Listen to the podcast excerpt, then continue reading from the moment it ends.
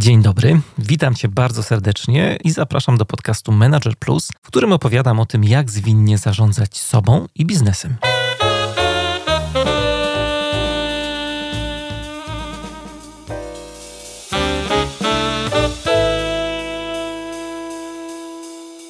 Czy jesteś zmotywowany, zmotywowana do wysłuchania tego podcastu?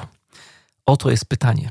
Być może pytanie, które błędnie zadałem, bo gdybym go postawił trochę inaczej, dlaczego jesteś zmotywowany, zmotywowana do wysłuchania tego odcinka, no wtedy pewnie mógłbym się dowiedzieć trochę innych rzeczy. Na przykład tego, że zdecydowałeś się na wysłuchanie mm, tego podcastu, ponieważ bardzo serio traktujesz swoje przywództwo i masz problem z motywowaniem któregoś ze swoich pracowników. Masz też taką nadzieję, że no, ten odcinek w jakiś sposób rzuci ci trochę więcej światła na tematy związane z motywacją. No ale mm, mogłoby się okazać też tak, że słuchasz tego podcastu, bo na przykład poleciła ci go dobra znajoma, która jest wielką fanką e, Managera Plus i na przykład nie chcesz zawieść jej oczekiwań. Zauważ, że to są dwa zupełnie różne źródła motywacji, ale to też się przekłada na dwie zupełnie różne energie do działania. Zamiast więc pytać, czy jesteś zmotywowany, drogi słuchaczu, e, słuchaczko, powinienem ci zadać inne pytanie. Pytanie o powody Twojego działania, o to, dlaczego mm, to robisz. Dzisiaj, jak się e, pewnie domyślasz, będzie o motywacji. Do rozmowy zaprosiłem bardzo szczególnego gościa, gościa, który między innymi słynie z tego, że przy okazji pracy z menedżerami, liderami demaskuje pseudonaukę w zarządzaniu. Napisał nawet e, wspólnie ze swoim kolegą Mirosławem Tarasiewiczem książkę na ten temat, Alfabet mitów menedżerskich. Książkę, w której e, panowie zebrali aż 20 różnych iluzji z obszaru zarządzania i przywództwa. Iluzji, którym wielu z nas na co dzień na pewno ulega. Dzisiaj skupimy się na literce M. M od motywacji. Serdecznie zapraszam.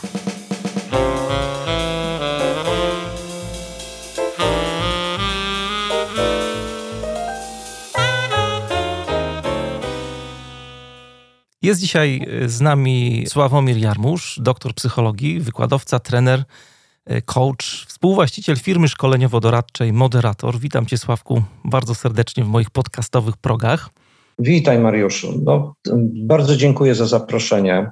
Ja nie wspominałem jeszcze, bo takie krótkie wprowadzenie zrobiłem na temat tego, co robisz, bo robisz bardzo dużo rzeczy. E, jedną nogą jesteś mocno osadzony w biznesie, pracujesz z liderami, z menadżerami, z zespołami. Z drugiej strony jesteś też e, wykładowcą, naukowcem. E, I dużo piszesz. Artykuły, książki, jak ostatnio rozmawialiśmy przez telefon, to wspominałeś, że kończysz jakiś ważny artykuł. Co to takiego było? No ważny artykuł ostatnio, to właściwie on, ja jestem w jego trakcie, bo to jest rozdział do książki na temat mhm. zarządzania, mhm. która prawdopodobnie powstanie w Warszawie przez WPS-ie. Jest to rozdział poświęcony tak zwanym procesom grupowym czyli to, co się dzieje w grupie ludzi, w zespole, w firmie, ale gdziekolwiek indziej. Ale to nie jest jakaś terapia grupowa, tylko. W żadnym wypadku. Okay. Nie, nie, tym się w ogóle nie zajmuję. Mhm. Tylko e, zajmuję się tym, tam piszę o tym, co się dzieje w grupie. Na przykład, jak są podejmowane decyzje, jeśli one są w grupie podejmowane. Mhm, to ciekawy temat. Na przykład, na, na, na przykład, dlaczego e, w wielu zarządach gdzie są niezwykle inteligentni ludzie, niezwykle wykształceni ludzie, mhm. decyzje często są niedobre. Jak to się w ogóle może stać, że e, złożenie kilku bardzo inteligentnych ludzi z olbrzymim często doświadczeniem daje e, nieoptymalne albo nawet słabe decyzje. Są pewne badania na ten temat, co może o tym decydować. Jak to się dzieje, mówię teraz o innym zjawisku, E, ludzie, którzy wykonują jakieś zadanie wspólnie, to bardzo często jest tak, że jak jest 4, 5, 8 osób, dwie, trzy się angażują, a inne wycofują wysiłek. Chociaż mhm. mają odpowiednie zasoby, żeby to zrobić. Jak to się dzieje? Co o tym decyduje? Co więcej, jak potem organizować pracę takich zespołów, żeby tego efektu zwanego w psychologii próżniactwem społecznym nie było. To są z jednej strony ciekawe, ciekawe teoretycznie rzeczy, ale niezwykle praktyczne też, no bo to jest wprost przełożenie na to, jak funkcjonują różnego rodzaju zespoły. Mhm. Powiedziałem, Albo... że, że to taki ciekawy temat jest, bo, bo, bo w, no teraz dużo się mówi o zespołach samoorganizujących się, takich zespołach, no które mają dużo autonomii. No i ten proces decyzyjny, o którym mówisz, y, no jest y, szalenie ważny też. Myślę, że jeden z takich ważniejszych właśnie, jak taka grupa osób, które mają autonomię, mają wolność, y, ma się dogadywać, przepracowywać różne tematy i podejmować no właśnie, decyzje, nie? No właśnie. Mamy takie mody w zarządzaniu, jak w ostatnich no, dobrych paru latach, jak turkusowe organizacje. Jak to się dzieje?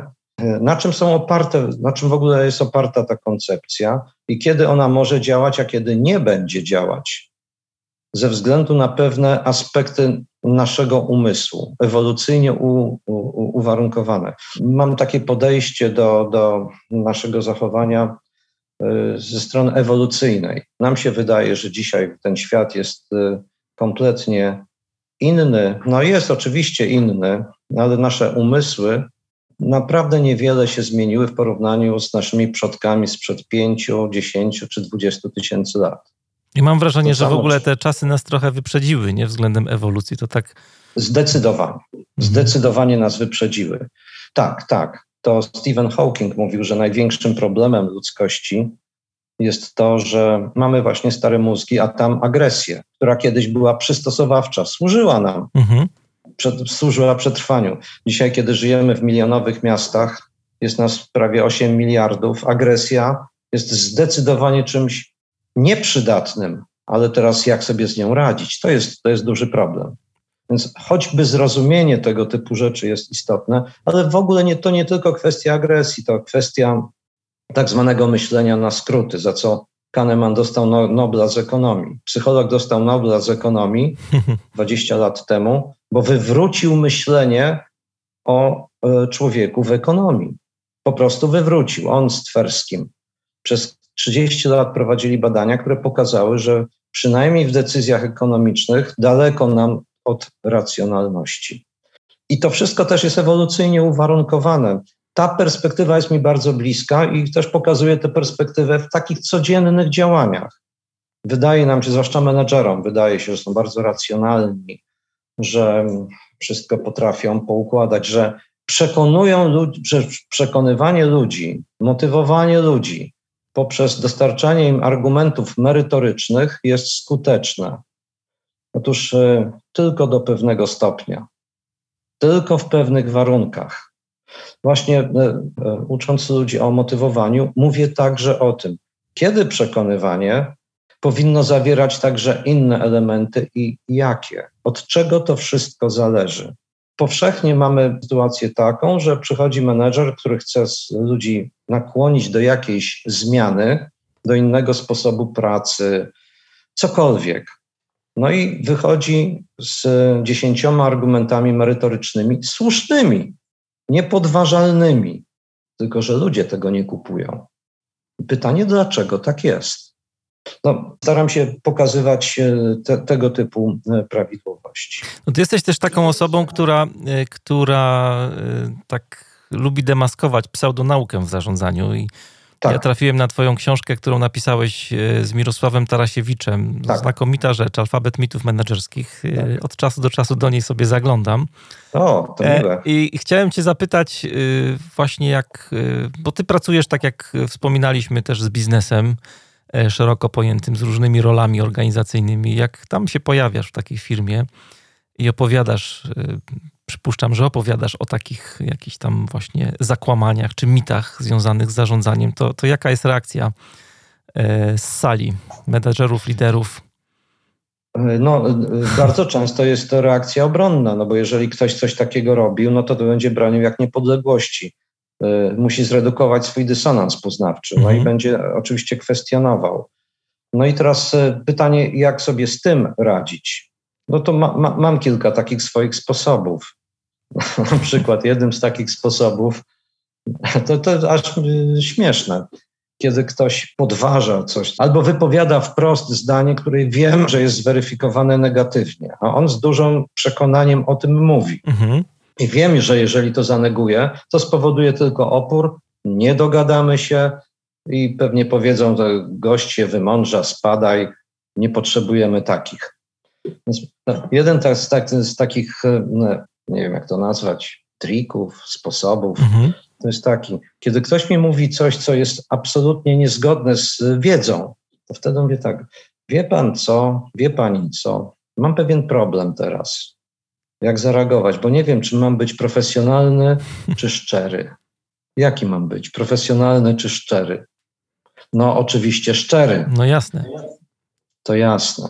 Bo wie pan, wszystko wskazuje na to, że w rzeczywistości jest inaczej. Ludzie ulegają pewnym poglądom, pewnym przekonaniom, które po takiej rzetelnej weryfikacji okazują się być błędne. I właśnie to, co pan, pani mówiła, należy do takich poglądów.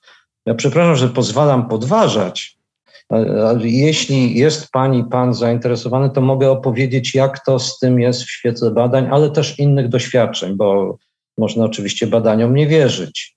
Też e, mogę podać przykłady z innych firm. Współpracowałem w życiu z kilkudziesięcioma, może ponad setką firm. Moja firma ma w swoim portfelu ponad 600 klientów, więc trochę firm widziałem w życiu.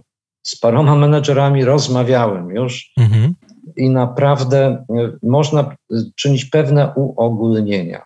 Choć oczywiście większość firm, większość menedżerów uważa, że jest wyjątkowa firma, ich specyficzna, niepowtarzalna i więcej takich nie ma.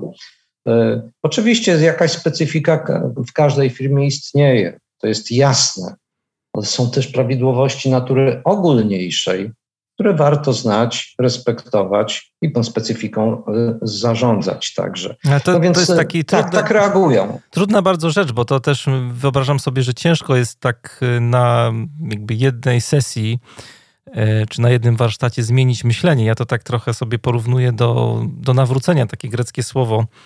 Starożytni Grecy używali metanoja. To jest trochę taka metanoja myślenia, taka zmiana tak, myślenia. A żeby tak. to zmienić, to te procesy są bardzo różne. Ja jestem takim tak. domorosłym psychologiem, ale no, to na pewno trochę trwa i to jest tak jak zmiana religii, światopoglądu.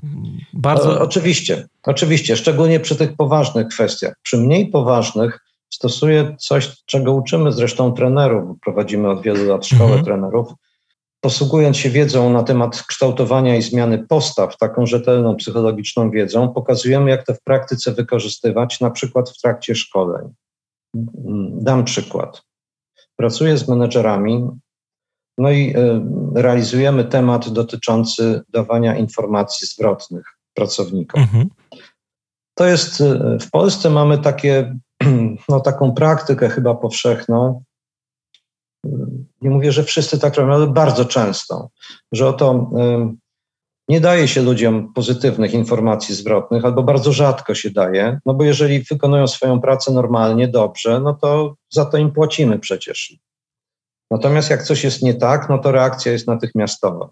A więc jest e, asymetria, jeśli idzie o negatywne i pozytywne informacje zwrotne. No ale te pozytywne są silnie związane, odpowiednio oczywiście przekazywane, z, motyw z motywacją ludzi. To jest bardzo silnie związane. No i teraz chcę, chcę pokazać menedżerom, chcę ich uczyć, jak dawać informacje zwrotne. Ale co z tego, że ja ich będę uczył, pokazuję jakieś modele, jak to się robi, kiedy ich postawa jest inna? Co z tego, że nie będą uczestniczyć w tym szkoleniu? To będzie incydent szkoleniowy, który ulegnie zapomnieniu następnego dnia. No tak to niestety często bywa. Tak, i później wracamy do firm, mimo że się dużo mówi na przykład o komunikacji i jest problem z komunikacją cały czas. Tak, to jest I robimy to samo, tak. Case, I to jest nie? klasyka gatunku. Mhm. Więc jak wpłynąć na postawy, choć zwiększyć szansę, że to będzie e, wykorzystywane. Więc zanim w ogóle zaczniemy ten moduł, to proponuję uczestnikom e, quiz. Na przykład quiz dotyczący znajomości stolic świata.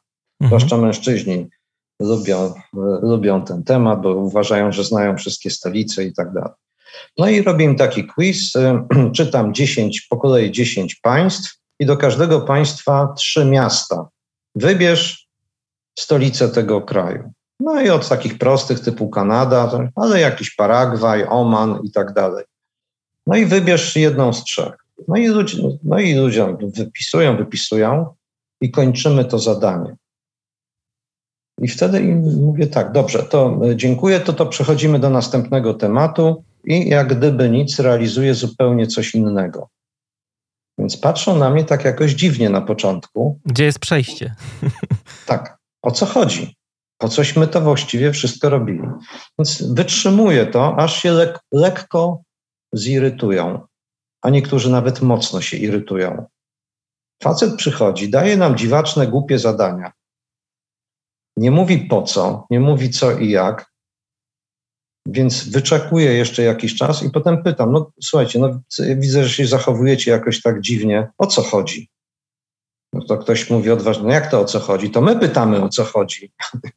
I, no dobra, ale to, to co? Ale powiedz szczerze, to jak ty się teraz czujesz? No ja się czuję wkurzony, bo to tracę czas na jakieś głupie zadania, a ty? No ja się czuję poirytowany, a ja to bym najchętniej stąd wyszedł mhm. I tak dalej. Im mocniejsza reakcja, tym lepiej. I wtedy im mówię tak, słuchajcie, moi drodzy, zrobiliście pewne zadanie i nie dostaliście żadnej informacji zwrotnej. Dokładnie tak jak wy teraz się czujecie, to czują się wasi pracownicy, jeżeli coś robią i nie dostają od was informacji zwrotnej. Tak się właśnie czują, tak jak wy teraz. Mhm. Słuchajcie, czy to jest ważne? Wow. To jest tak zwana przeżywka, czyli do, docieram do postawy człowieka poprzez, via jego emocje. Nie myślenie, myślenie przyjdzie później, ale najpierw to przeżyj. Najpierw przeżyj to. No oczywiście podaję im te stolice, żeby, żeby nie było prawidłowo odpowiedzi. Było kto wygrał, nie? Bo to też jest taka tak, nutka ale dopiero teraz jest y, grunt do pracy nad informacjami zwrotnymi, bo widzą, do czego to jest potrzebne, ale a nie jakaś teoria. Z tymi stolicami to też sobie pomyślałem, bo informacja zwrotna informacją zwrotną, ale też y, no, myślę, że są wciąż y, członkowie takich zespołów projektowych, y, którzy dostają takie zadania, ale powiedziałeś, że się burzyli, po co to robisz, nie? Bo też sporo osób dostaje zadanie od szefa i tak naprawdę nie zna celu, nie, nie wie, jak nie to jest połączone tak. na przykład z celami biznesowymi czy z innymi zespołami, bo to też tak często jest, więc taki Masz rację, tak. fajny przykład. Dostają, dostają zadanie, informacja zwrotna to jedno, a, a cele to, to, to drugie. No po co to robimy, nie? To robimy. I to jest, e, to, to popraw mnie, jeśli się mylę, ale mam taki, takie e, przekonanie, że teraz jak rozmawiam z wieloma firmami, zwłaszcza z informatycznymi, mhm. w, co zrobiła pandemia? No wiadomo, informatycy pracują online. Ciężko ich zagonić z powrotem do, do firmy. W kilku firmach już to samo słyszę. No ale rzecz polega na tym, że są teraz badania dotyczące tego, jak pandemia wpłynęła na różne aspekty pracy. No, przy, wszystkich błogosławieństwach tego, że online pracujemy, oczywistych, są też bardzo niepokojące sygnały. Jednym z takich sygnałów niepokojących jest to, że ludzie mniej identyfikują się z firmą. No bo no, gdzie pracujesz? No ja pracuję w swoim pokoju. No bo, no bo co to jest firma? Firma to są ci ludzie wokoło, to jest ta kawa, to jest to plotkowanie, to jest ten szef, to są te mury i tak dalej, i tak dalej. Ta droga do pracy to jest firma a teraz ja pracuję w domu. Jak się okazuje, a to pewnie wiesz lepiej niż ja, bo jesteś w środowisku, ale z tego co słyszę, e, e, informatycy, niektórzy deweloperzy zwłaszcza, którzy są singlami, właściwie pracują w trzech firmach, a nawet nie w trzech firmach, już nawet nie traktują tego jako firmę, tylko w trzech różnych projektach na świecie. Tu pół godziny zrobi to, potem się przełącza na jakiś Zoom gdzieś tam, potem jeszcze coś innego, zarabiając bardzo, bardzo dużo pieniędzy, ale gdyby go zapytać, gdzie on pracuje, on się nie identyfikuje już z firmą. No i to jest duży problem. To jest naprawdę duży problem. A teraz właśnie stawianie celów i motywowanie ludzi ma taki takim ubocznym, a może nawet ważnym bardzo celem tego jest właśnie to, żeby człowiek chciał w tej firmie pracować, a nie wykonać projekt, dostać kasę, ile tam tylko może i coś innego dalej. Mhm. Więc e, to informacje zwrotne, motywowanie generalnie temu też służą. Nawiązałeś tak y, tutaj kilka razy już do tematu motywacji, bo jest to taki jeden z mitów, bo w Twojej książce y, tych mitów jest, naliczyłem się z 20 bodajże, bo tam jest cały alfabet mitów menedżerskich. Tak, y, tak. I tak wybrałem sobie na, na pierwszy strzał właśnie motywację, bo wydaje mi się, że to jest taki temat, który ciągle ciągle jest ważny dla menedżerów, dla e, liderów i chciałbym tak. E, od tego zacząć, bo ta informacja zwrotna, ja mówię, że to też się wiąże z motywacją, bo... Tak, tak, e, bo jak, no to tak trochę na boku, tak. Motywacji, jak, jak udzielasz informacji zwrotnej, takiej negatywnej, to możesz zdemotywować też, też ludzi, ale chciałem cię zapytać o taki najbardziej chyba jakby czytelny mit, z którym się spotykasz, jeśli chodzi o motywację. Co by to było? To jest mit dotyczący pieniędzy. To są dwa mity ukryte w jednym.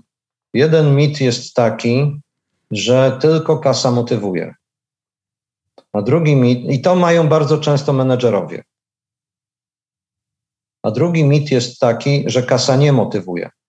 A to, ten mit mają często HR-y.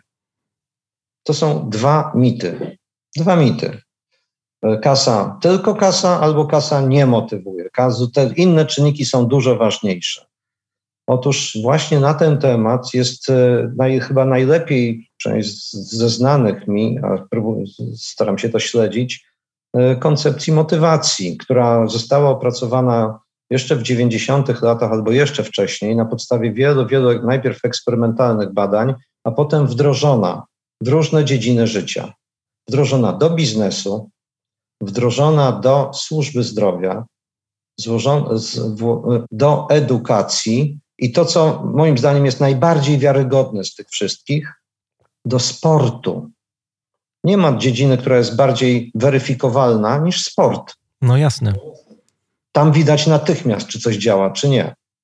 Tam są olbrzymie pieniądze, jeśli idzie o ten profesjonalny sport, oczywiście. Jest ta to koncepcja samodeterminacji Disiego i Ryana, która pokazuje, w jakich warunkach kasa działa, a w jakich ma relatywnie mniejsze znaczenie. Ono zawsze ma znaczenie, ale w pewnych sytuacjach ma relatywnie mniejsze i te inne czynniki wtedy powinny działać. Czyli to nie jest taka ideologia, teraz nie, pieniądze nie, bo ludzie są dobrzy, bo ludzie chcą. To jest bzdura, zakładanie takich rzeczy. Ale można sensownie zastanowić się, jakie dać warunki ludziom, żeby ta motywacja była wewnętrzna. I teraz tak, pytanie brzmi, e, to, i to też jest pewien mit, że e, mit mówiący o tym, że motywacja wewnętrzna jest e, skuteczniejsza niż zewnętrzna. W pewnych sytuacjach bez wątpienia jest, ale wtedy, kiedy wykonujemy prostą, powtarzalną pracę, to motywacja zewnętrzna bywa często dużo lepsza.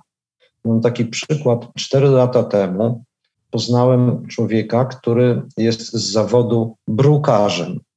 Układa kostkę. Mhm. W czasie, kiedy go znałem, zmienił pracę cztery czy pięć razy. Otóż, jak rozmawialiśmy o tym, to on sam mówi: Zmieniam pracę, no bo mi tutaj proponują 100 zł więcej. Albo 200 zł. O, 200 to już było dużo. I on zmieniał pracę z dnia na dzień. Żadnego przywiązania, tylko że ten człowiek solidnie pracował. A jak mu dali więcej kasy, to jeszcze solidniej pracował. I w jego przypadku mówieniu, mówienie o motywacji wewnętrznej, jakiejś identyfikacji z firmą, o tego typu rzeczach, no, jest pozbawione sensu. Natomiast w firmach technologicznych, firmach, gdzie trzeba myśleć, gdzie trzeba pracować głową, kreować rozwiązania, to tam właśnie motywacja wewnętrzna staje się szczególnie istotna. I o takich rzeczach chciałbym mówić. Jak tworzyć środowisko pracy, które, które daje szansę aktywizowania się u ludzi motywacji wewnętrznej. Co oczywiście nie znaczy, że nie trzeba im e, godziwie płacić. To jest jasne.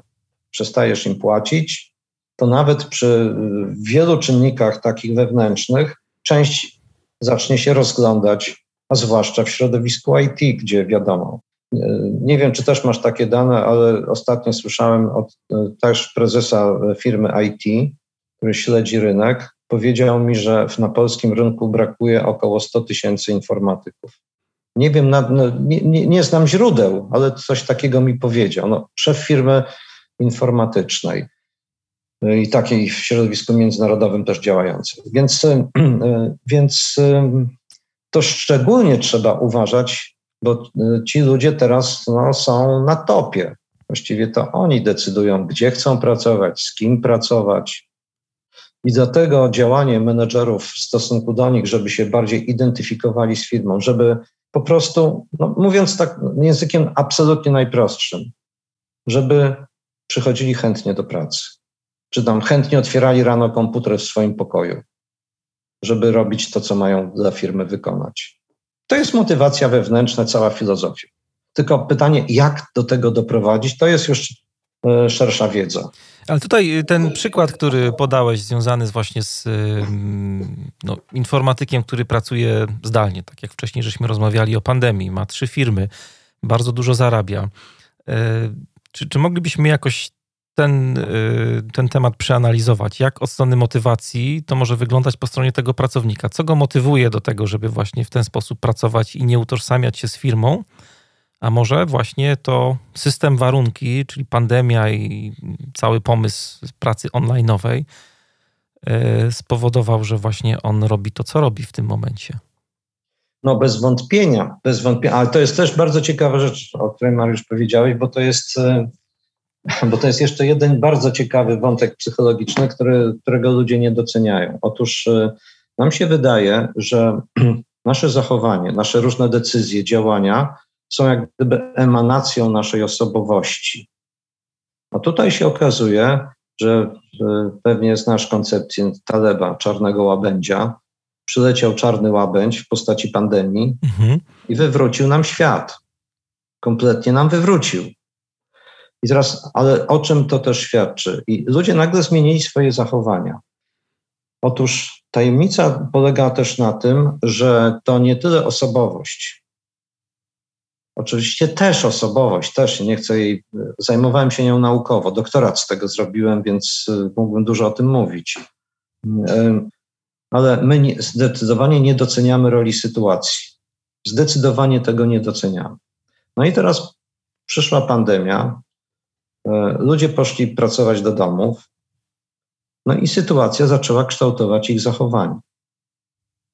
Sytuacja polegająca na tym, że właśnie e, nie ma codziennych plotek przy kawie. Tego nie ma. E, nie ma tego otoczenia. Nie ma tego szefa, który przychodzi i się czepia na przykład jak byle co.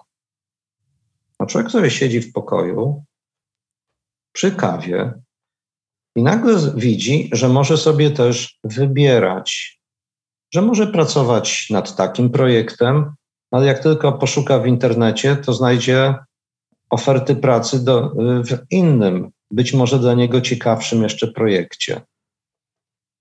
No zaraz, dlaczego by nie spróbować? Nikt mnie nie będzie kontrolował przecież. Swoje robię, dowożę to, co, co, co, co mam dowieść ale mam jeszcze zasoby czasowe, a to spróbuję w, w tym drugim coś podziałać. Nagle odkrywają, że ten świat może być inaczej urządzony, że praca może być inaczej urządzona. I teraz, co ich motywuje, pytasz?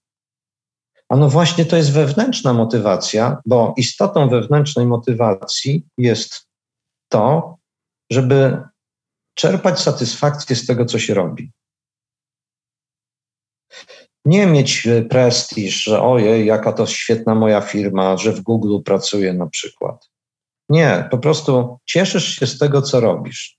Teraz ten informatyk, czy tam deweloper, czy ktokolwiek, mhm. no, siedzi sobie w pokoju, wykonuje swoją pracę, ale jednocześnie robi coś innego, co go, co go cieszy, co go rusza. O, fajny projekt, coś nowego tam robi. I on nagle odkrywa, że no co on odkrywa? E, siłę motywacji wewnętrznej. No bo siłą tej motywacji, czy napędem tej motywacji jest to, że po prostu robię to, co lubię. I już, i bez żadnej większej filozofii. Ja to lubię. I nagle to, żeby lubić swoją pracę, czy to oznacza, że ja muszę lubić swoją firmę? No niekoniecznie. No niekoniecznie. Ja mogę się specjalizować w jakimś tam mm, systemie i teraz robię, wykonuję projekty, które rozwijają mnie w tym systemie. No jeden jest w Kanadzie, a drugi jest w Indiach. I to robię. No dzisiaj świat jest, dzisiaj nie, nie, nie ma z tym problemu dla ludzi no. Żadnego, żadnego absolutnie. No także i teraz tak, dlaczego o tym mówię? Bo to, to stawia kolejne nowe wyzwania przed menedżerami, przed y, szefami projektów na przykład. Jak spowodować nie tylko zorganizować pracę w tym projekcie, ale też zadbać o to, żeby ten człowiek y, chciał tutaj pracować. Z takim zespołem, z innym, ale tutaj. Jak to zrobić? To jest, to, to jest, y, a szczególnie temat pandemii to mocno skomplikował. Ale wydaje mi się, że no, mega ciekawy temat wyciągnąłeś tutaj. Tak zaczęliśmy o tym rozmawiać i, i myślę sobie cały czas y, chyba o takiej dosyć ważnej rzeczy przy motywacji, bo no, koniec końców możemy dojść do takiego wniosku tutaj, że właśnie lider menadżer, tak jak powiedziałeś tutaj na końcu, właśnie jak to zrobić, żeby ten ktoś się bardziej utożsamiał z firmą i chciał u mnie pracować, jest odpowiedzialny za to, żeby kształtować te doświadczenia motywacyjne pracowników. I tutaj e, bardzo prosty przykład podam. Przychodzi, e, przychodzi szef na spotkanie ze swoim zespołem nie? i tak patrzy po sali, no ludzie za bardzo się nie angażują, są chyba niezmotywowani, bo gapią się w telefony cały czas. Ktoś tam jakieś tweety wysyła, ktoś tak. tam sprawdza maile. No i w zasadzie jakby odbierasz to jako totalną demotywację zespołu, nie chce im się. Nie? Ale z drugiej strony, jak popatrzysz to właśnie na to, co powiedziałeś przed chwilą, od strony tych pracowników, to może być tak, że to ta sytuacja nie dała im takich właśnie optymalnych doświadczeń motywacyjnych, bo na przykład, nie wiem, nie czuli się bezpieczni na tym spotkaniu, albo właśnie szef, mm, nie wiem, wyciągał e, do tablicy, do odpowiedzi jakoś, nie wiem, coś tam było nie tak na tym spotkaniu, co spowodowało, te czynniki spowodowały razem wzięte, no, że oni się zachowywali tak, jak się y, zachowywali. Zmierzam do tego, że właśnie sytuacja może kształtować i my jako tak. liderzy możemy poprzez sytuację właśnie kształtować e, też te doświadczenia motywacyjne u naszych ludzi w zespole. Masz rację, Mariusz. Tak, to, to, to jest niezwykle ważne. Z drugiej strony jest taka tendencja u wielu ludzi. On, on nie jest zmotywowany, czyli przypisujemy pewnym stałym właściwościom przyczynę zachowania. A tutaj to jest, e, to jest e, praca do zrobienia po stronie menedżera. I to też... Możesz zarządzić sytuacją tak, żeby on był bardziej zmotywowany. Możesz to zrobić. I to też nie jest kwestia, y, myślę, kasy, nie? W tym wypadku zwłaszcza. Tak, tak, tak. Bo y, też nawiązywałeś do sportu i ja, y, taka jedna sytuacja, jak sobie myślałem o naszej rozmowie i tak trochę się namyślałem no. nad tą motywacją, przyszła mi do głowy. E, jakiś czas temu był, był taki film w kinach Moneyball z, Moneyball z tym Bradem Pittem. O, przypomniałem sobie, znanego bardzo aktora. Ale tam była bardzo ciekawa historia opisana Billy'ego Bina. O, to, był, to był człowiek, który no, był menedżerem takim takim, no nie, nie, chcę powiedzieć mało znanym, bo był znany, ale ta drużyna była mało znana, baseballowa Oakland Athletics E, I on dostał e, w pewnym momencie od super tutaj znanej drużyny bostonskich Red Sox propozycję nie do odrzucenia, właśnie żeby przeszedł i był menedżerem po ich stronie. No i okazało się, że oni tutaj rwali włosy z rozpaczy, bo Billy w ogóle nie chciał przejść do nich i proponowali mu coraz większą kasę, coraz więcej jakichś tam różnych dodatków. To bardzo fajnie w filmie jest opisane, pokazane. E, no a on wolał zostać w tej mało znanej drużynie baseballowej, tam E, wygrzewać jakby swój No swój, właśnie, swój i talent, dlaczego, nie? nie? I dlaczego?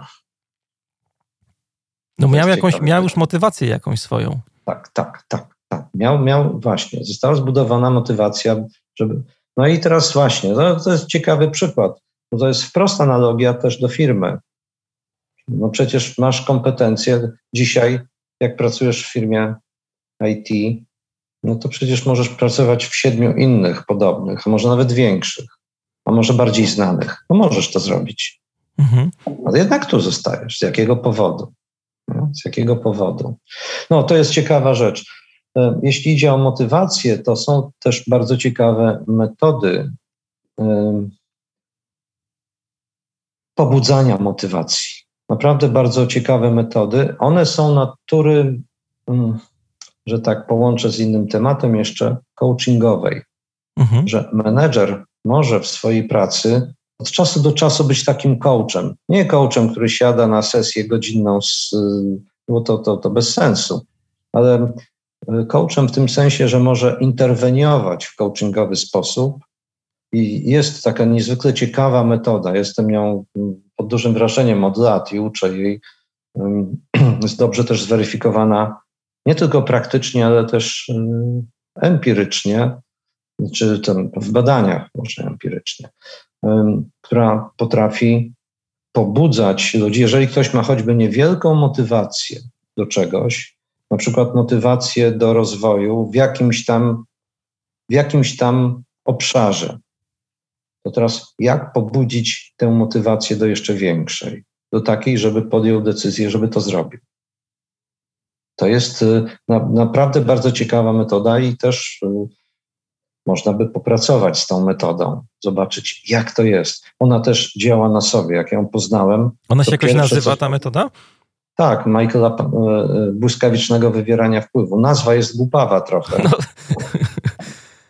E, tak, jak pierwszy raz zobaczyłem tę książkę pod tym tytułem, to ją w ogóle odłożyłem. Ale wiesz, no dzisiaj to... żyjemy w kulturze nanosekundy, kulturze no instant, właśnie. wszyscy chcą wszystko już teraz, więc tak, tak, może tak. dlatego no, taka takie... nazwa się pojawiła, żeby się lepiej książka no, sprzedawała. Głupawa nazwa, żeby przyciągnąć, tak. No, nauka tenisa w weekend, no to jest mniej więcej coś takiego.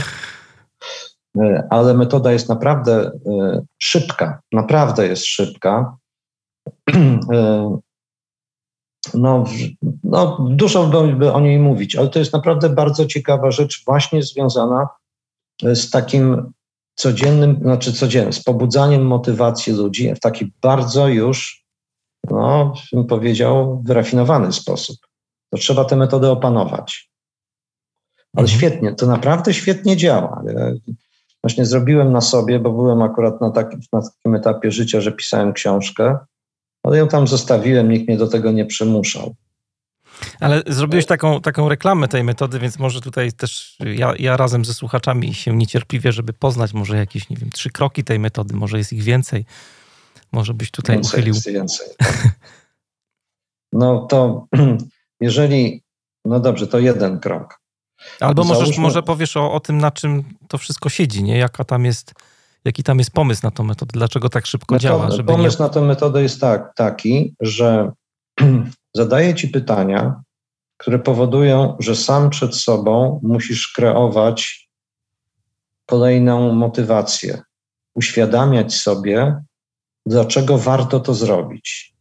Dlaczego to, co jest tam, no, no, bo ja wiem, y, udział w jakimś projekcie, wyjazd na jakieś szkolenie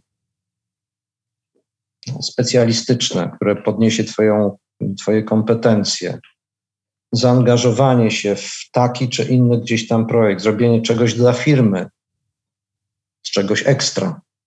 Czegoś ekstra mhm. na przykład. Ale jak mamy taką metodę i mówisz, że tam są. Ja nie znam tej metody, więc taka ciekawość mnie teraz podcastera zżera, żeby cię trochę mhm. o nią mhm. podpytać. Rozumiem, że te pytania są konstruowane na podstawie właśnie odniesienia do czego? Do naszych potrzeb? Tak, no najpierw ustalam, za, załóżmy, że miałbym z Tobą poprowadzić taką rozmowę. Mhm.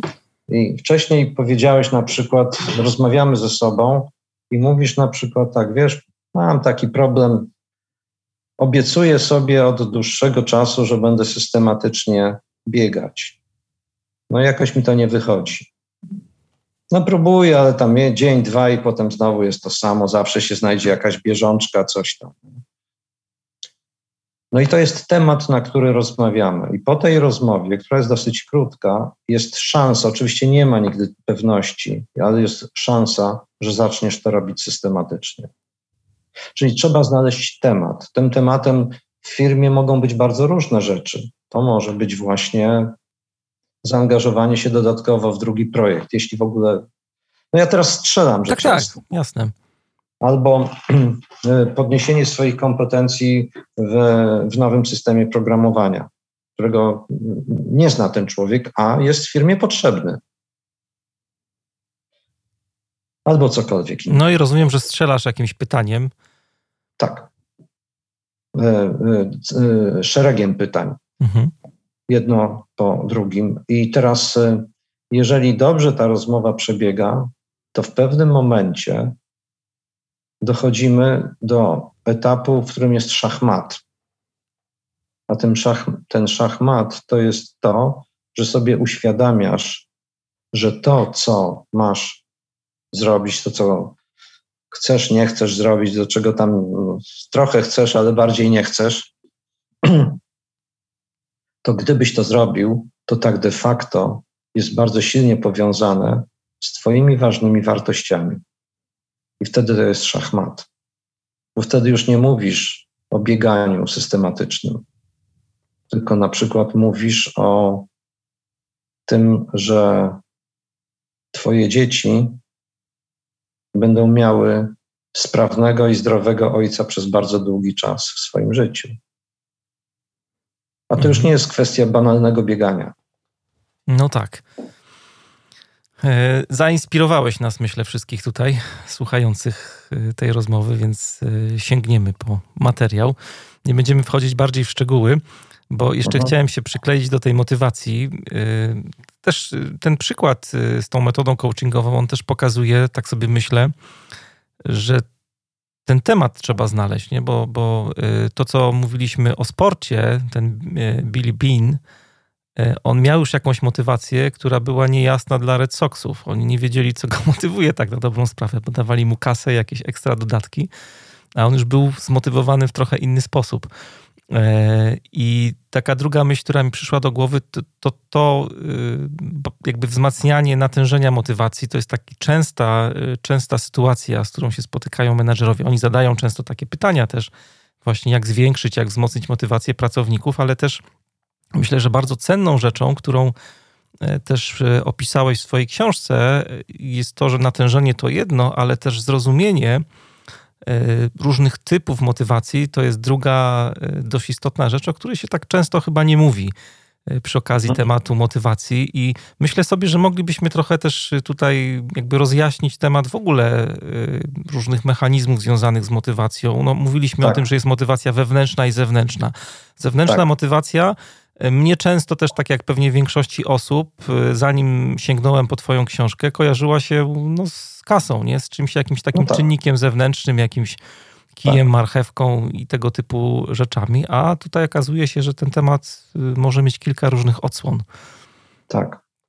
Tak, tak. No, motywacją zewnętrzną, tak, DC Ryan mówią o umiarkowanie zewnętrznej, jest na przykład prestiż firmy. Dlaczego ty tu pracujesz? Pytam, pytam człowieka. No wiesz, super firma. Ja w Microsoftie jestem. To jest, wiesz. E, czyli to, to jest taka motywacja, która pochodzi z zewnątrz, ale bardzo silnie uderza w ja. Czuję się lepszy od innych. Tam ci wszyscy w tych firmkach pracują, a ja jestem w Microsoftie, ja jestem w Google, ja jestem w Oracle. No wiesz. Jest, czytaj, jestem lepszy czytaj, jestem lepszy. Czyli to wchodzi do wewnątrz, ale z punktu widzenia psychologicznego istotą właśnie wewnętrznej motywacji to jest naprawdę najprostsza z możliwych rzecz, rzeczy. Jestem wewnętrznie zmotywowany, kiedy lubię robić to, co robię. Bez względu na to, czy pracuję w All for One, czy pracuję w, w Google jestem wewnętrznie zmotywowany. I e, to daje mi cholerną satysfakcję z tego, co robię. Nie związaną z tym, gdzie, e, e, z wielkością firmy, jej prestiżem, tylko z tym, że tutaj mogę robić rzeczy, gdzie po prostu chętnie przychodzę do tej roboty. Czy chętnie zaczynam tę robotę, bo już teraz przychodzę, czyli z sypialni do swojego pokoju. No, no tak. Bo to tak teraz wygląda. No, to, ale to, tam jest uwikłanych, rzeczywiście masz rację, szereg mechanizmów psychologicznych. Ja bardzo chętnie o nich mówię, a też mam taki e, kłopot, że nie chcę za dużo o tym mówić, ale, bo zaraz jestem posądzany, że jestem teoretykiem. Tak, ale, a ale u nas to jest inaczej. Ale na przykład ja od strony praktycznej sobie patrzyłem na te różne kolory motywacji zewnętrznej i dość myślę ciekawe jest i warto o tym wspomnieć dla słuchaczy jest chociażby to, że ten, ten no bo to wszystko się jakoś zacząłeś o tym mówić, nie? Wiąże z tym, w jaki sposób, jak silnie my e, wiążemy się z firmą, nasze ego się wiąże jakby z firmą, nie? I taka rzecz, która pojawia się często w projektach czy w zespołach na przykład agile'owych teraz, e, tak. jakby zaakceptowanie na przykład celów, e, które są związane z pracą i potraktowanie ich jako własnych celów, nie? To to jest taka, myślę, tak. ciekawa rzecz też dla, bardzo, dla bardzo. słuchaczy. A druga, ta mocniejsza jeszcze, myślę, że to trochę powiedziałeś przy coachingu o tym takim sklejeniu się tego, co chcę robić z wartościami, to też możesz jakby utożsamiać pracę z własnymi potrzebami i wartościami, to to w ogóle tak, już jest taka tak, jeszcze, silniej, tak. jeszcze silniejszy klej, nie? taki motywacyjny. Tak, to właśnie o tym mowa, tak, mhm. właśnie o tym mowa, bo y, takie naskórkowe motywacje, czy tam takie gadania, takie powierzchowne bardzo, że a, bo to ważne, bo projekt, bo mówienie na przykład w kategoriach motywacji o firmie, co to daje firmie, no nie działa tak dobrze, jakby się menedżerom wydawało, bo oni się utożsamiają bardziej z tym i mówią, mówiąc o firmie, myślą, że y, dla pracowników jest to tak samo ważne. Ale tu bardziej trzeba wejść w świat ludzi. To jest naj, to moim zdaniem z punktu widzenia menedżerskiego to jest największe wyzwanie. Często rozmawiam o tym z ludźmi, wczoraj wróciłem ze szkolenia na temat mądrości z grupą menedżerów w pewnym banku. No i rozmawialiśmy dużo o tym, właśnie o wejściu w świat drugiej osoby, a nie pozostawaniu w swoim świecie i świecie firmy. Firma jest abstrakcją. To jest abstrakcja. Ale jeżeli tej abstrakcji nie połączysz właśnie, jak mówisz, z ego, z ja, jeżeli to nie jest moje, no to no, zawsze coś cię trzyma, no ale nie, a, ale to spoiwo może być dużo, dużo lepsze.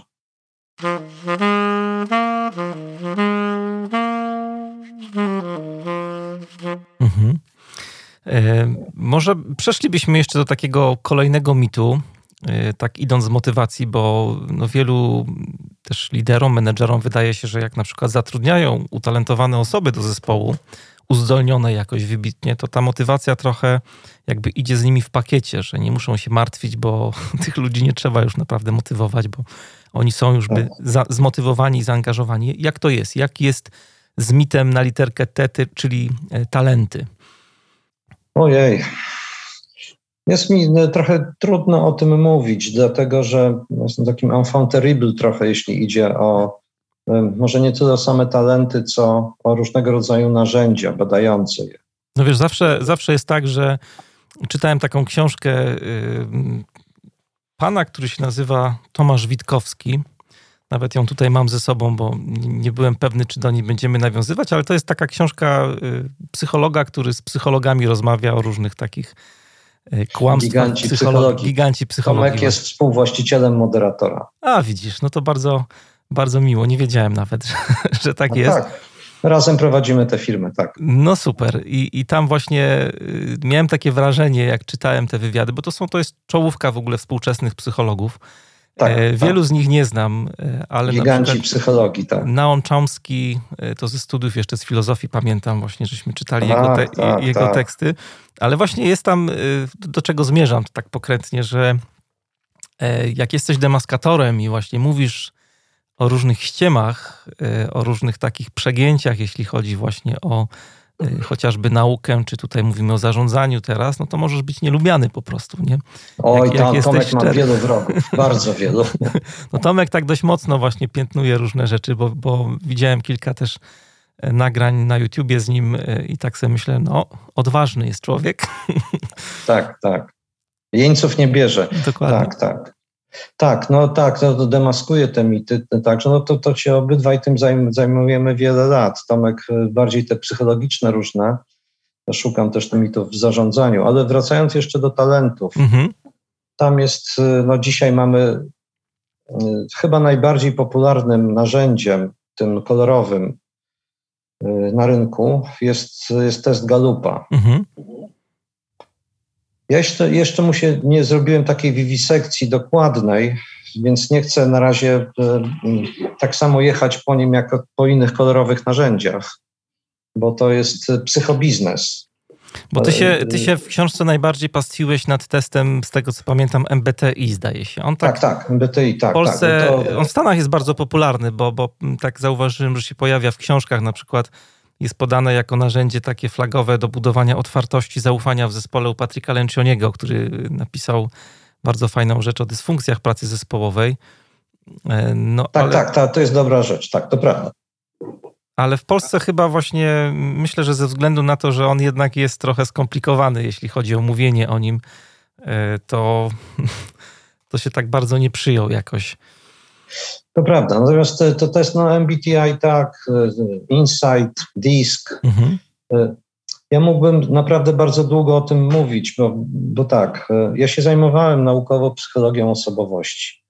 Mogę powiedzieć, że byłem jednym z pierwszych, jeśli nie pierwszy, który wprowadzał do Polski najlepiej udokumentowaną koncepcję osobowości od jakichś 40 co najmniej lat. Znakomicie zweryfikowaną na całym świecie, w różnych kulturach, w różnych grupach społecznych i tak. Koncepcję Wielkiej Piątki, gdzie można osobowość sprowadzić do pięciu cech. Do pięciu cech.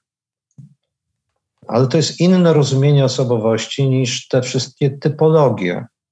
Co więcej, te typologie są oparte na koncepcji Karla Gustawa Junga, który wydał swoją książkę pod tytułem Typy psychologiczne. Uwaga, 1920 roku. Więc jego koncepcja ma 100 lat.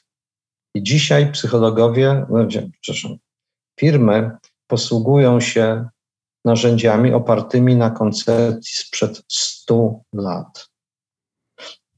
100 lat, to tak jakby przez te 100 lat się nic więcej już nie zdarzyło, jakby to był apogeum wiedzy o osobowości. Ta koncepcja w wielu momentach jest po prostu nietrafna, zwyczajnie nietrafna. To po pierwsze. A po drugie, już mówiąc o innych testach, już y, tak en bloc, o tych testach y, y, kolorowych różnych, tam są zaszyte no, na, na, na, naprawdę poważne, najdelikatniej mówiąc, wątpliwości. Tam najczęściej zaszyty jest efekt Barnuma, czyli efekt horoskopowy. Czytasz to i doskonale ci to opisuje. Obojętnie, które narzędzie zrobisz, doskonale ci opisuje. No dlatego HR kochają te narzędzia, no bo im się wydaje, że to świetnie coś mierzy. I ludzie też kochają y, wyniki tych testów, no bo one, jej, jak to mi świetnie opisuje. To po pierwsze. Efekt Barnuma to jest, to jest na takim poziomie ogólności opis, że on dotyczy większości ludzi. No bo jeżeli powiem ci na przykład tak, Wiesz, Mariusz, tak rozmawiamy ze sobą już prawie godzinę, tak słucham cię, przyglądam się i wiesz... Ciekaw jestem, co powiesz. Tak, tak. I mogę ci coś powiedzieć o twojej osobowości. Już tak cię, wiesz, trochę poznałem. Nie? Wiesz, jesteś osobą, która generalnie lubi kontakty z innymi ludźmi. Choć bywają takie osoby, z którymi raczej unikałbyś kontaktów. Mhm. Zgadza się? No jasne. No. Czy jest ktokolwiek, kto by powiedział, że się nie zgadza wobec niego? I tego typu opisów mogę generować naprawdę dużo. Jeżeli popatrzysz na, na wyniki tych testów, to część, nie mówię wszystkie, ale duża część tych opisów jest na takim poziomie ogólności, że dotyczą większości. A po, powtórę, co równie ważne, tam masz wyłącznie pozytywną charakterystykę. Wyłącznie. Zobacz, jak to ładnie e, muska samoocenę. Jeżeli słyszysz, że jesteś e, tu świetny, tu ponadprzeciętny, tu masz takie kompetencje, tu masz takie zdolności. Wow, ale jestem. No, no taki najbardziej popularny chyba, który bardzo szkodzi.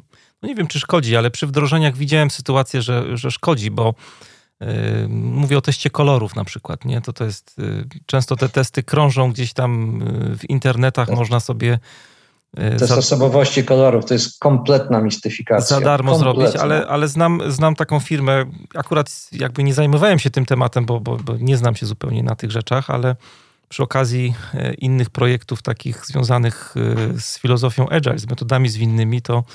widziałem, widziałem, co się stało. No, przyszła firma, która zrobiła serię szkoleń dla organizacji, dużej organizacji. Pracownicy się zafascynowali tymi kolorami, nawet do tego stopnia, że gdzieś tam na swoich badżach firmowych przypinali kropeczkę z kolorem. Tak, no tak, i wiesz, i ta tak. firma zniknęła po tych szkoleniach, nie? I nic z tym nie zrobili, nawet wiesz, nie, nie, nie pokazali, co z tym można zrobić, żeby w jakiś sposób tą, tą dziurę, która powstała w myśleniu, w relacjach tak. między nimi, bo oni się już zaczynali tak no, wręcz stygmatyzować tymi kolorami. Z tobą tak. nie gadam, bo ty jesteś czerwony, a ty jesteś niebieski i tak dalej, i tak dalej. Więc no, to jest takie tak. podstawowe ryzyko, które jest, że możemy kogoś wcisnąć do szuflady. To prawda. To jest... no, a już Tych ryzyk jest więcej. A tak, jeszcze tak, kwestia dość, myślę, ważna przy tego typu rzeczach, to jest kwestia rzetelności takiej badawczej, psychometrycznej, na którą się no, rzadko kiedy zwraca uwagę w ogóle przy tego e, typu. E, tak, tak. Ja nawet pisałem do niektórych, do niektórych tych, żeby mi przysłali dane dotyczące e, właśnie psychometrii. Przysłali. Na przykład Insight ma rzetelne badania, któryś z uniwersytetów w Londynie, mhm. czy no, w Wielkiej Brytanii to robił. I Ponieważ ja uczyłem też metodologii i statystyki, więc znam się na tym. Y, I do tego się nie można przyczepić. Ale tam problem jest zupełnie gdzie, chociaż można by to lepiej zrobić. Tam tak zwana analiza czynnikowa, taka zaawansowana metoda statystyczna, można by to zrobić trochę inaczej, ale to już nie, mhm. nie chcę się czepiać i polemizować. Natomiast tam jest, y, problem jest gdzie indziej. Problem jest zupełnie gdzie indziej, ale to już o, o, odrębna sprawa. No tak czy inaczej, te testy kolorowe to jest psychobiznes. I nawet jeżeli one coś odzwierciedlają, one są jakimś przybliżeniem, dalekim być może przybliżeniem. Ale myślę, że problem jest jeszcze gdzie indziej z punktu widzenia menedżerskiego.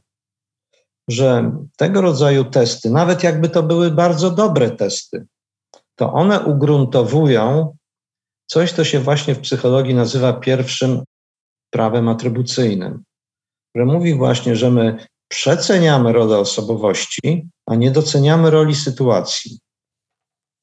I teraz, jeżeli ludzie robią sobie testy, nawet bardzo dobre testy, które coś tam diagnozują, no to taki menedżer, aha, to on jest taki, no co ja mogę zrobić? Najwyżej go przesunąć na in, do innego zadania. Ale troszeczkę zwalnia, nawet nie troszeczkę, zwalnia to z odpowiedzialności, że, że, że na tego człowieka można wpływać, można go rozwijać, można go trochę zmieniać. Nie osobowościowo, ale na przykład motywacyjnie, bo motywacja jest w, w istocie swej zmienna. Jest zmienna. Ja dam taki drobny tylko przykład. W pewnej dużej firmie korporacyjnej, którą, z którą współpracowaliśmy wiele lat, była dziewczyna, na stanowisku zwyczajnie specjalistycznym, o której było w, firmie, w całej firmie było wiadomo, że, wiadomo, że jest takim e, skrajnie zaangażowana w swoją pracę.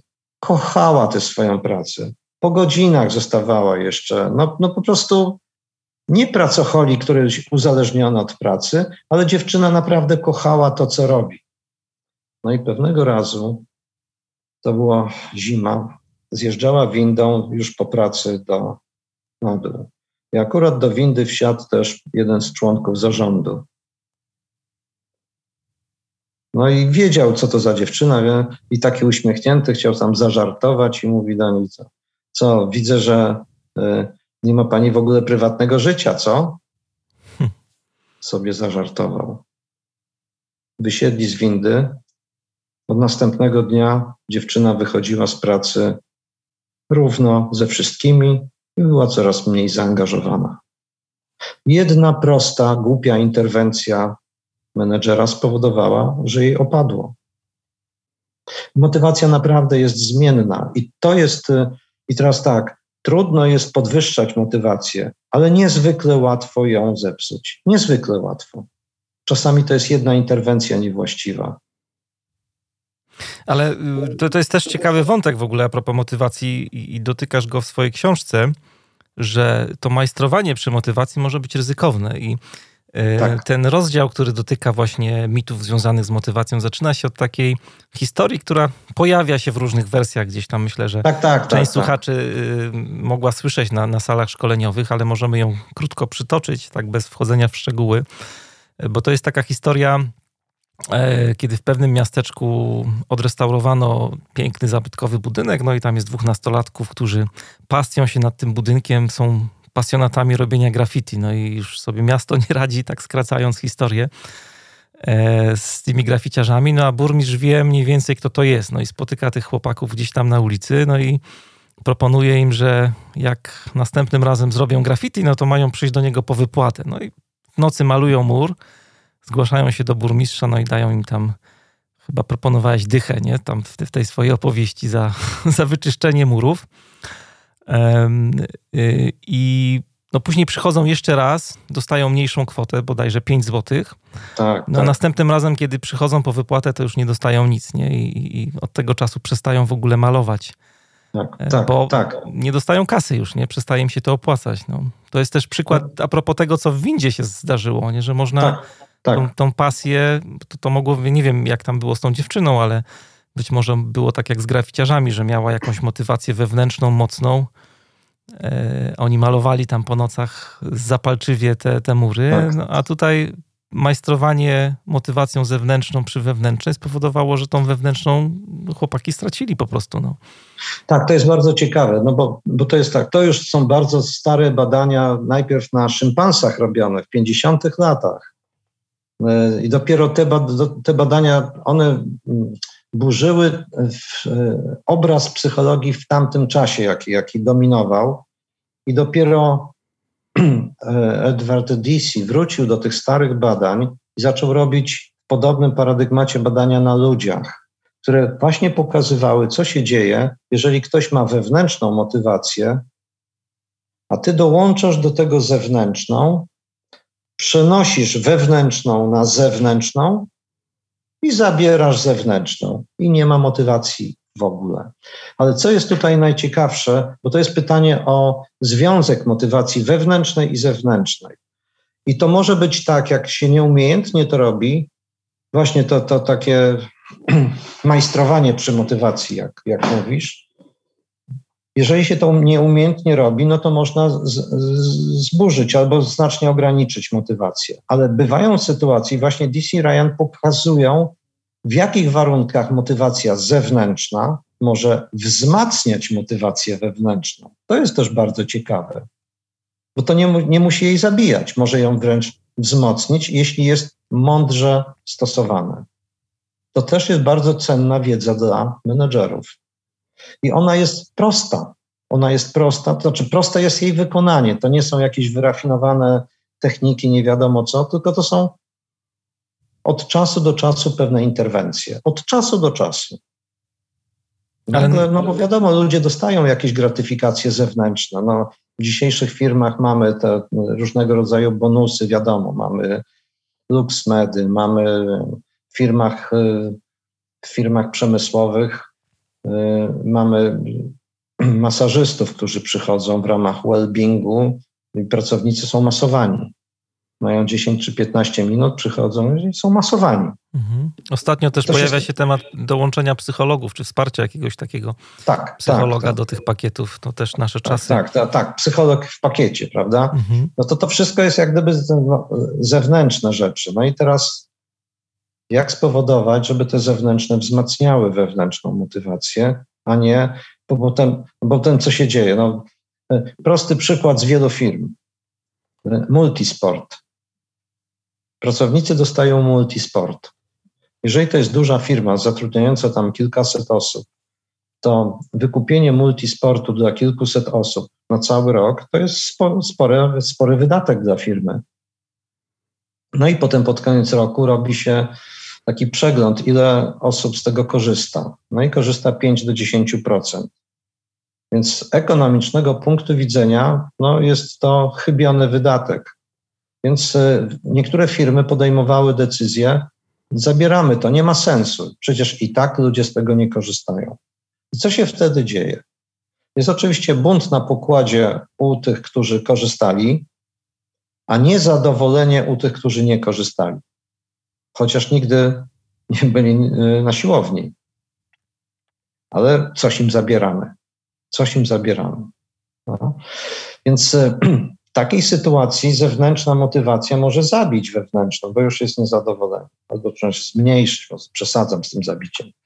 Natomiast są takie, y, są takie okoliczności, w których da, da, dając ludziom E, nagrody zewnętrzne, no bo to są nagrody zewnętrzne, wzmacniasz jeszcze motywację wewnętrzną. To, jest, to, to też jest ciekawa wiedza na temat motywowania ludzi.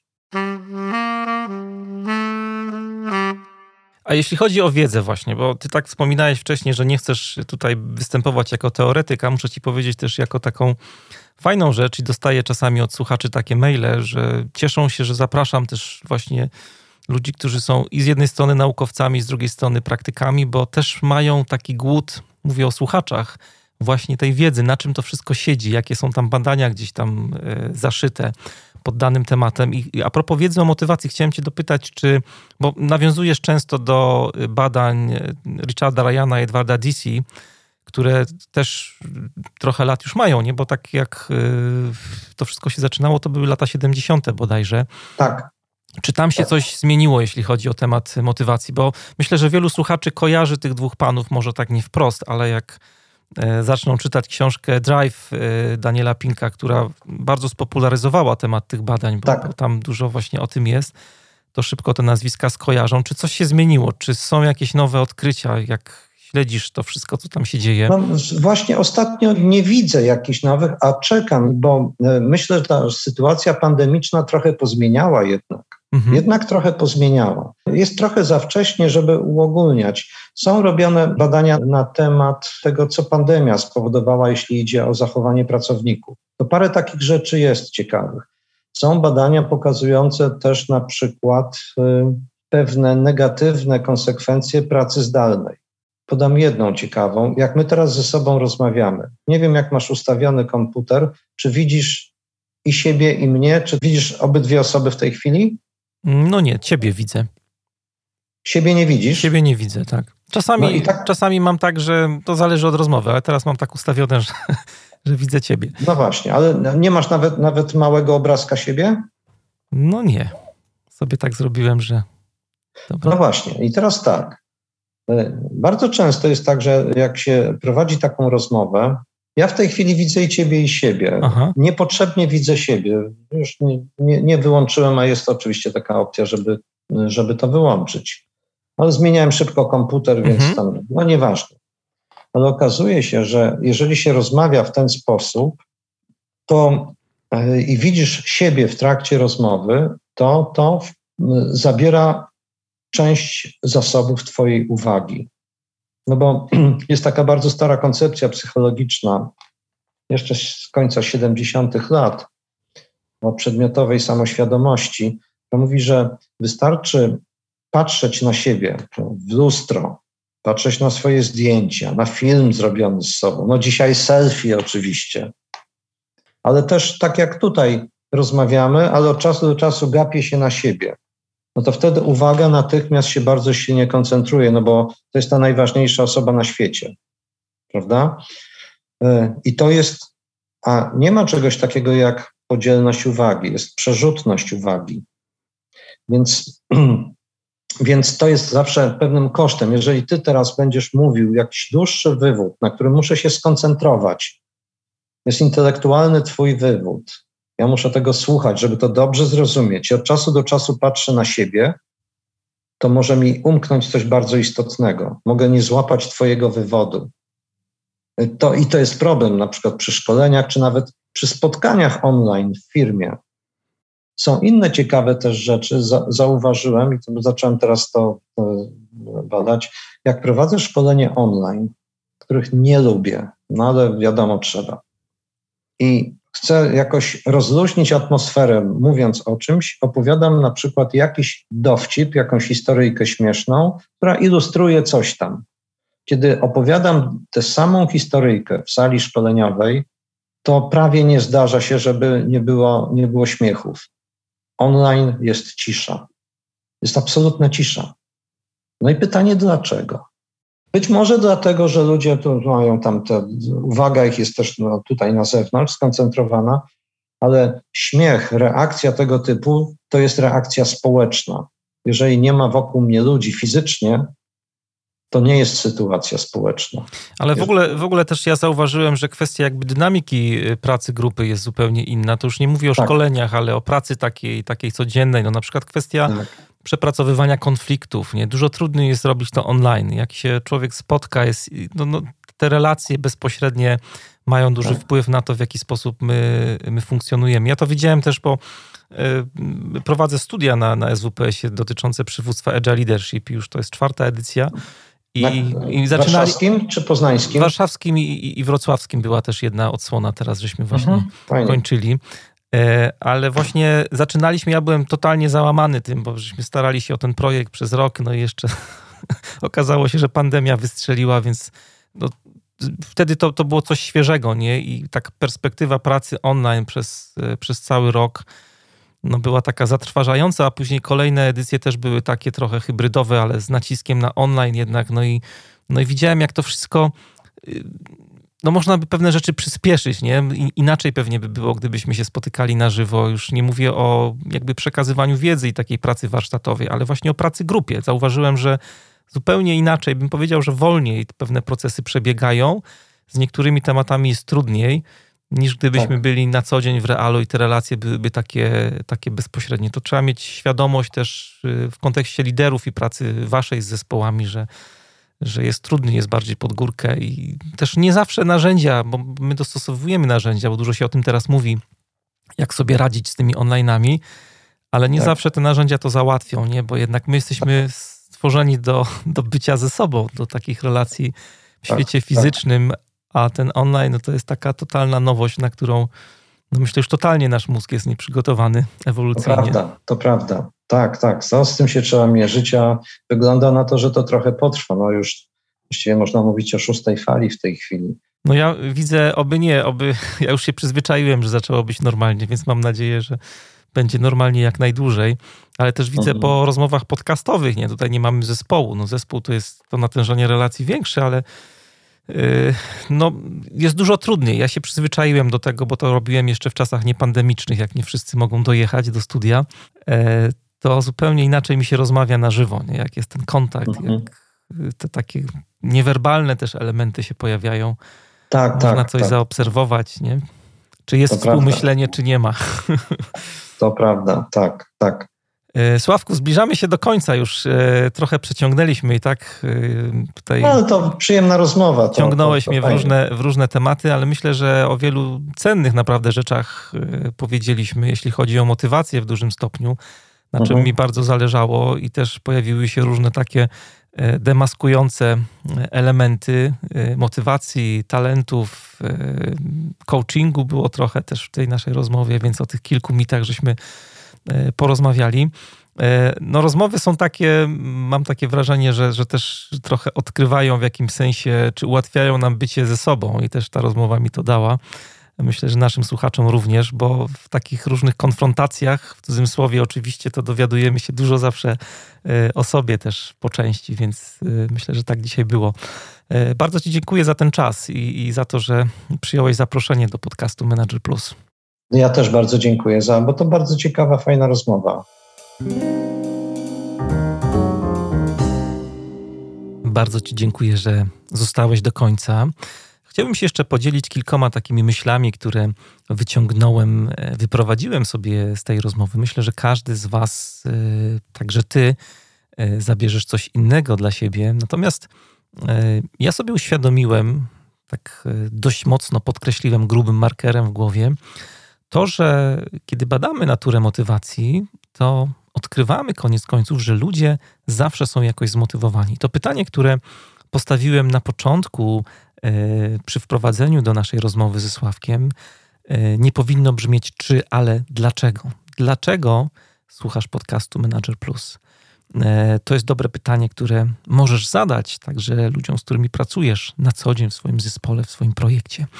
Druga rzecz, która myślę, że jest dość ważna, ale też przekłada się na konkretne działania, zadania e, Twoje jako lidera, wiąże się z tym, że no, motywacja jest pewnego rodzaju umiejętnością, nad którą możesz e, pracować, e, bo to jest taka umiejętność, która polega na tworzeniu optymalnych doświadczeń motywacyjnych. To stwierdzenie pojawiło się kilka razy w mojej rozmowie ze Sławkiem, ale właśnie to jest coś, co jest, myślę, dzisiaj szalenie ważne. Jak pytamy o to, jaka jest rola liderów dzisiaj, to ja myślę, że taką ważniejszą rolą jest bycie stwarzaczem warunków, warunków, w których e, będzie się odkrywał, e, uwidaczniał potencjał ludzi, w których ludzie będą się rozwijać, będą wzrastać, będą e, lepszymi liderami także, bo żyjemy w takich czasach, że to przywództwo zaczyna być coraz bardziej rozproszone i odkrywamy ten potencjał przywódczy, te funkcje liderskie także w sobie, w każdym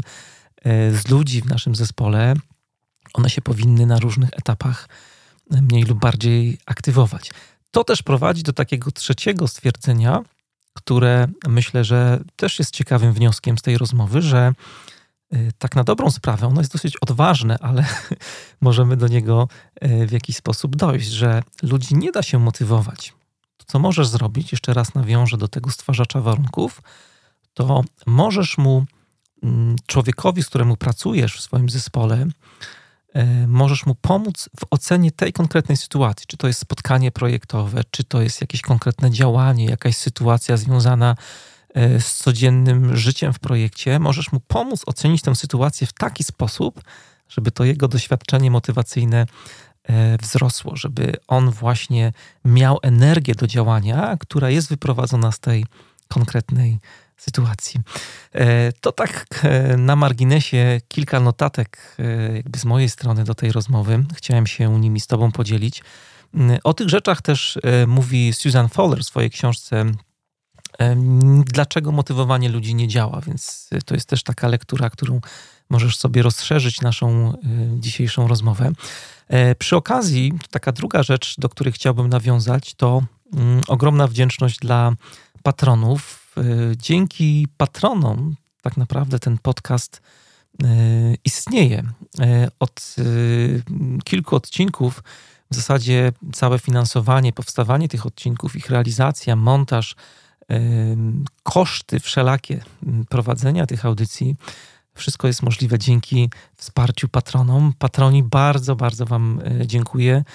Do realizacji pierwszego założonego celu jeszcze nam trochę brakuje, bo E, zostało 40%, ale e, wierzę, że to niedużo i już niebawem się to zmieni. E, przygotowuję też małą niespodziankę dla wszystkich, ale ponieważ jest to niespodzianka, to mm, o niespodziankach się nie mówi. Ma Was jakoś zaskoczyć. Mam nadzieję, że niebawem uda się ją zrealizować. Wszystko jest póki co owiane mgłą tajemnicy. A jeżeli chciałbyś dołączyć do grona patronów podcastu, to bardzo serdecznie Cię zapraszam. Pamiętaj, zawsze to będę podkreślał, nie proszę o E, pieniądze dla siebie, ale proszę Cię o to, żebyś dołączył do, do mojej misji, do misji tworzenia liderów na zwinne czasy, do zwiększania ich samoświadomości w pracy nad sobą, ale też w budowaniu takich dojrzałych relacji względem ludzi, z którymi e, pracują. Koniec końców do budowania lepszego świata naszego przywództwa. To tyle na dzisiaj. Pozdrawiam wszystkich, którzy się urlopują szczególnie, szczególnie tych, którzy się urlopują może ze słuchawką w uchu i gdzieś tam e, jakiś odcineczek podcastu Manager Plus e, wysłuchują. Ja w okresie wakacyjnym często dostaję od Was różne e, wiadomości. Gdybyście chcieli do mnie napisać albo wysłać fotę z wakacji na przykład, to zapraszam podcast małpka mm, mariuszchrapko.com. Możecie do mnie napisać, odpisuję na wszystkie maile. E, jak to kiedyś napisałem, nie gryzę i widziałem, że nawiązywaliście do tego tekstu, więc nie gryzę. Zapraszam do e, korespondencji. Będzie mi bardzo miło. A póki co życzę wszystkim udanego wypoczynku. Tym, którzy jadą, którzy odpoczywają, ale też tym, którzy już wracają, to życzę Wam e, udanych powrotów z wakacji. Trzymajcie się ciepło. Ja się nazywam Mariusz Hrabko i do usłyszenia niebawem.